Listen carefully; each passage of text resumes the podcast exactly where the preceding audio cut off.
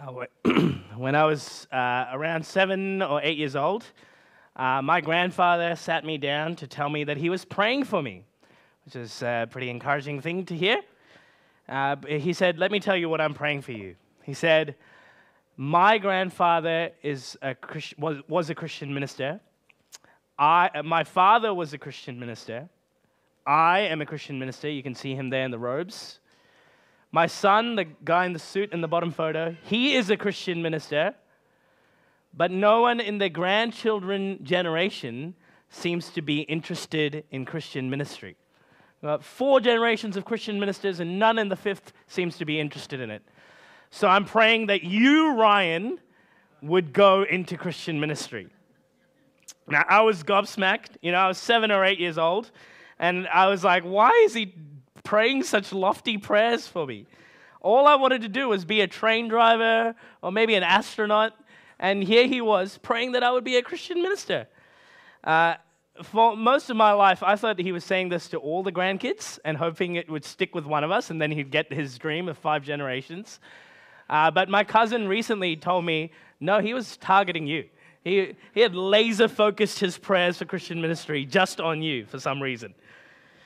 Um, and uh, it, it, was, it was hard to feel like I had to live up to that. Uh, imagine if all you had in life was this kind of big expectation for you, a, a lofty challenge, a heavy responsibility.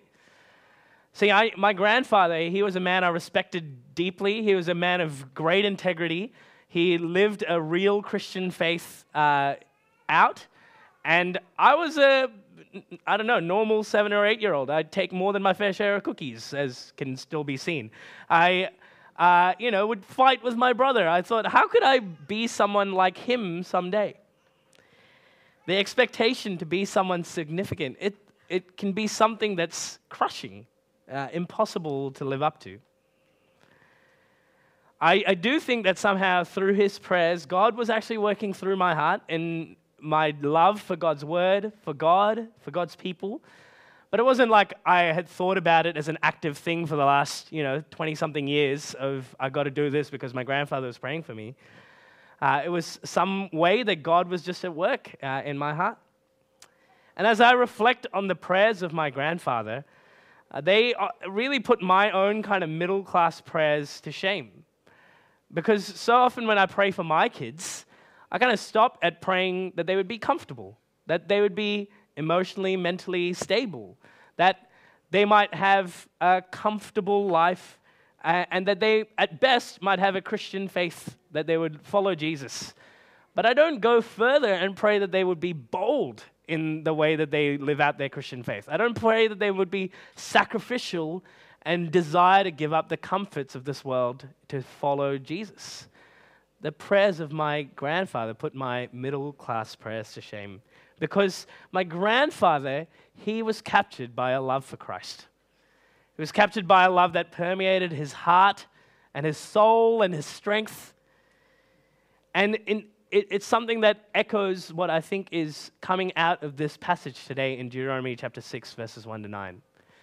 Because I think the key idea that comes out of this passage is that the only God requires our wholehearted worship. That's something that's important for our family as we go to Seychelles, but uh, it's something that we think is going to be important for Seychelles to hear. And we think it's important for Riverstone, for Sydney, for Australia to know and worship God in this way. Uh, let me pray for us as we look at this passage a bit more closely. Our Heavenly Father, we bow in your presence.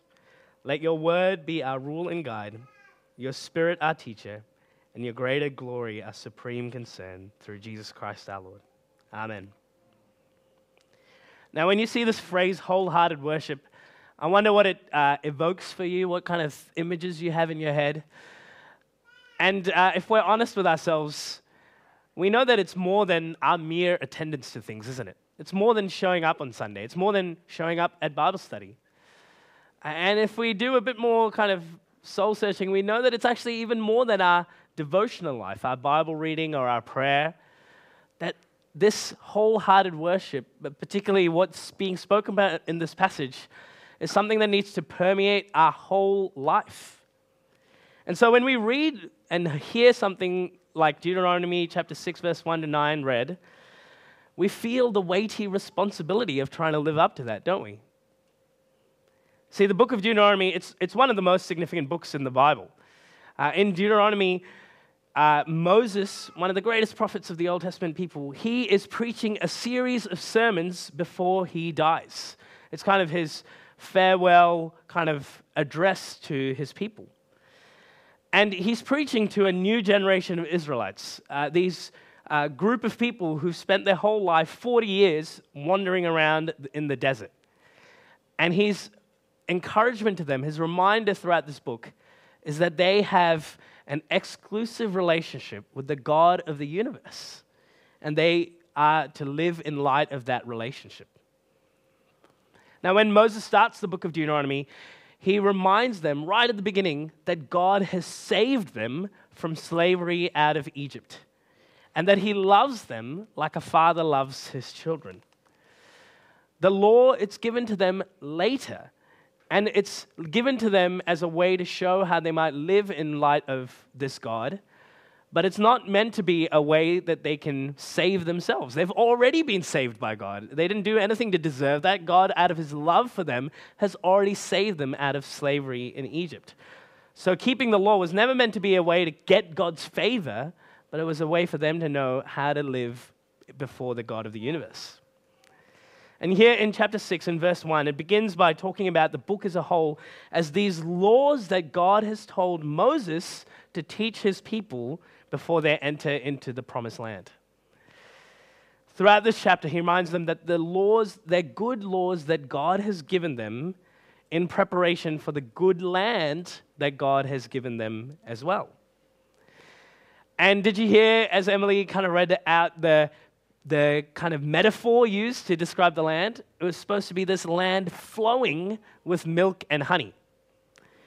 Now, when I was a kid, you know, at seven or eight, I, I, didn't understand metaphors, and I used to think Israel was quite a messy place. You know, like you'd walk for a bit and you'd kind of get your feet wet with all the milk that's flowing around, and then you'd walk a bit more and it'd get all sticky because all the honey would stick onto the milk, and maybe that's why Jesus had to wash his disciples' feet because they were so dirty with all this milk and honey. Uh, I've, I've figured out later in life, uh, not recently, like a bit earlier, that this is, this is a metaphor. It's, it's this picture of abundance. Uh, I used to live in Kuwait in the Middle East, and it was desert. We didn't have green spaces, we had yellow spaces.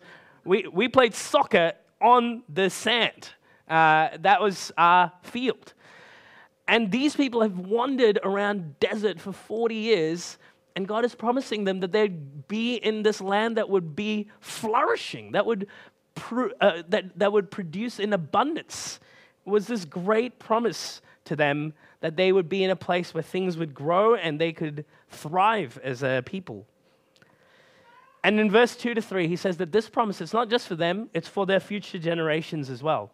And he says there are four key actions that they are supposed to do they are to fear, to keep, to hear, and to obey. Moses' reminder to them is that if they do these things, if they fear, keep, hear, and obey, then they will be abundant. They will be numerous as well as a people, just as God promises. And it's in light of this that he reveals who he is. He gives them kind of the million dollar verse for a Jew. Uh, Jewish people, even today, they would recite this verse twice a day. Here from verse 4, it's called the Shema, if you might have uh, heard that phrase before. It just means hear. But this is the phrase uh, in the Shema. It says, Hear, O Israel, the Lord our God, the Lord is one. The God of the universe is revealing himself to his people. And in the Shema, he's revealing that he is one God. He's not like the nations around them that think there are all these other gods. He's saying there is only one God, and He is the only one God. All those other gods are false. And when He reveals His character to them, uh, He also encourages them to live in light of who He is in verse 5. He said that they are to love Him with their heart, with their soul and with their strength. And in verses 6 to 9, Moses says that he wants these truths to be everywhere in Jewish society. He wants it to be there when they go to sleep and when they wake up. He wants it to be in their house as they're just hanging out as a family, and he wants it to be out in the marketplace, in their workplace, out in the streets and the fields. He wants it to be throughout their society and not just an add on on Saturday or on Sunday. Now, some Jews, when they heard this, they took it quite literally. Uh, some Jewish people, even today, they have these things called phylacteries, uh, which they wear on their heads, which are these little boxes containing a scroll with the Shema. Because it says in the passage, you have to keep it on your mind wherever you go. Other Jewish people, they have these little boxes on their doors called mezuzahs. And again, in these mezuzahs is a scroll containing the Shema because it says you're supposed to keep it on the doorpost of your house.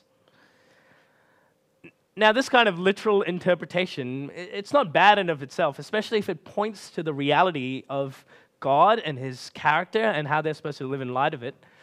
But the danger often of these kind of external things is that it turns into superstition. And some people think, oh, they're safe because they've got this box on their head. Some people think if I kiss the mezuzah or touch it as I enter someone's house, I'll get God's blessing on myself. But that wasn't the purpose that, God, uh, that Moses had in describing this to them. The, to be a part of their society was for it to be a constant reminder, both together as a community, but also something that sprang out of their hearts. That they, he wanted them to worship God wholeheartedly.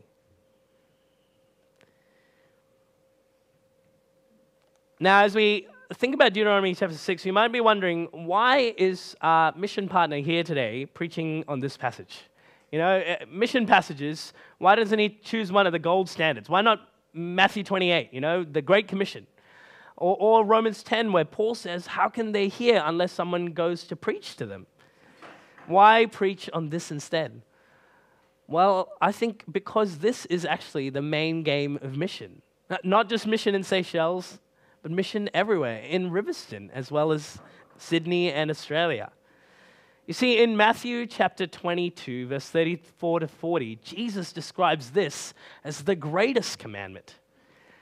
The, I, the worship, wholehearted worship of God, that's the main game of mission everywhere. It's the thing we want to hold tightly to as we go, but it's also the thing that we want to make sure that is being preached that is uh, encouraging people in their witness to Jesus uh, here in Sydney as we leave. And as kind of Lynn mentioned earlier, this is a truth that we think Seychelles will need to hear time and time again. We haven't been there yet. We're going for the first time in January next year. But we've read a bit, we've researched, we've talked to people on Zoom and things like that. And all our research suggests that there's lots of nominal Christians. People might call themselves Christians because of their parents or maybe their grandparents' faith, but they don't have any kind of wholehearted worship of God. Some people come to church on Sunday, but uh, one of the local church leaders mentioned that uh, sometimes people are either too drunk or too busy playing cards to show up to church. But on the census, they'll say they're Anglican. They're on paper Anglican, but they're not there on a Sunday. And then there's that whole interaction with witchcraft that Lynn kind of talked about, that mixing of their faith in Jesus with these other traditional religions that don't really make sense of a wholehearted worship of God. So we think they will need to be reminded of this time and time again. But if we're honest again with ourselves, we'll know that we too need to be reminded regularly about wholeheartedly worshiping God, don't we? So easy to forget. It's so easy to fall back into those sinful patterns of life and forget what permeating God's love through our lives looks like. So when we think of a passage like this, you might be wondering, how do we apply this? How do we, what do we, how do we make that make this sen- make sense of uh, us in 21st century Riverstone? Well, uh, as Christians have wrestled and thought about how they read the Bible, uh, there's lots of different ways that people have tried to uh, interpret the Bible. And I want to start with one that I think is wrong, okay? So I'm going to apply this passage in a wrong way. Um, and hopefully, uh, you know, uh, you, are not too swayed by my false application. Um, see, one of the things that can happen when we look at a passage like this is that we can start to feel guilty, right? When we feel the weight of this challenge, we realize we fail to love God as we ought. That we need to do better. We've fallen short of God's standards. And maybe the reason we don't have all of God's blessings is because we haven't kept our end of the bargain. Maybe that's why we have some health problems, some family problems, some other kind of mental health problems. That's because we're not doing our part. I wonder what ways you've failed God's standards of obedience recently. Maybe instead of loving Him with all your heart, you've let your heart wander and be corroded by a love of money instead. Maybe instead of loving Him with all your mind, you've let your mind get distracted and start to fantasize about that coworker. Maybe instead of loving Him with all your strength, you've spent all your strength and energy playing soccer on Saturday, and so you're exhausted when you come to church and you can barely keep your eyes open, and it's just a good time to kind of catch up on some sleep. Well, this is your wake up call. Give away all your money, quit your job, stop playing soccer so you can focus on wholeheartedly following God instead. Are you feeling encouraged? No, that's not a real application. It's not a real application because if we think the solution is to try to do better in ourselves, we won't be able to. The weight of the law is this burden that we just can't lift in our own strength. I want to encourage you that actually the Christian way to read the Bible is much more encouraging. It's freeing. Because we, we can't take a passage that was written to Israel all those thousands of years ago and apply it to us today in 21st century Riverstone. There's a better way to read the Bible. It's called biblical theology. It basically sees the whole Bible as this grand story all about how God is redeeming the world through Jesus. Hopefully, as you've been doing your series in Ezra and Nehemiah, you've been doing this too. You haven't been thinking, how am I a priest like Ezra? How am I a governor like Nehemiah? No, there's actually a way for us to understand the Old Testament, to understand the whole Bible in light of Christ we look to Him first as the author and perfecter of our faith. Uh, one of the reasons why the Archbishop has invited us to come to Seychelles, why he's been asking CMS Australia for years for help, is because this is a strength of Australian theology, the way we do biblical theology. It's not that people in Seychelles are uneducated or foolish, it's that they've not been trained to read the whole Bible with Jesus at the center and the Archbishop, the man in the middle there with the face mask, his name's James Wong. He wants people in his context to be trained in this method that we take for granted. So let me have a go at what I think is a more appropriate way to apply a passage like this. See, uh, uh, I'm going to steal some uh, language from Vaughan Roberts, God's Big Picture. And he talks about three things that the law's purpose is for the Christian, three ways that the law helps us. The first is that the law reveals our sin. See, our, our sin does get in the way of loving God rightly. Uh, it, we keep distracting ourselves and we don't give God our wholehearted worship because we are distracted by our own pride, our love of possessions, or maybe our worldly passions that are getting in the way. But Deuteronomy chapter 27, verse 26 says that unless you live out the law in every detail, every single one of the 600 plus commandments, if you keep every bit of every one of those, unless you do that, then you are cursed. So if we try to do better on our own, if we try to keep this on our own strength and we fail inevitably, well, we put a curse on ourselves. Uh, and the second thing that the law reveals is God's standards. that we can't meet them. The Bible talks about this in Romans, it says that all have sinned and fall short of the glory of God. Every single one of us, even me, we've all sinned and fall short of God's glory. 99% is not as good as 100%. We can never, once we sin even one time, we can't balance the scales and make ourselves right with God. Once we sin, we fall short of His glory, and we can't ever meet His standards again through our own strengths. So, what does God do? Well, the promise in Galatians chapter 3, verse 13 to 14 is that Christ redeems us from the curse of the law by becoming a curse for us. And that the blessing given to Abraham might come to the Gentiles through Christ Jesus. See, the final purpose of the law it's to point us to our need of a Savior, that we can't do it in our own strength. It's not in keeping the law that we're safe. I mean, it wasn't even true for Israel. They were already saved out of their slavery by God uh, from Egypt. But it's the same thing for us.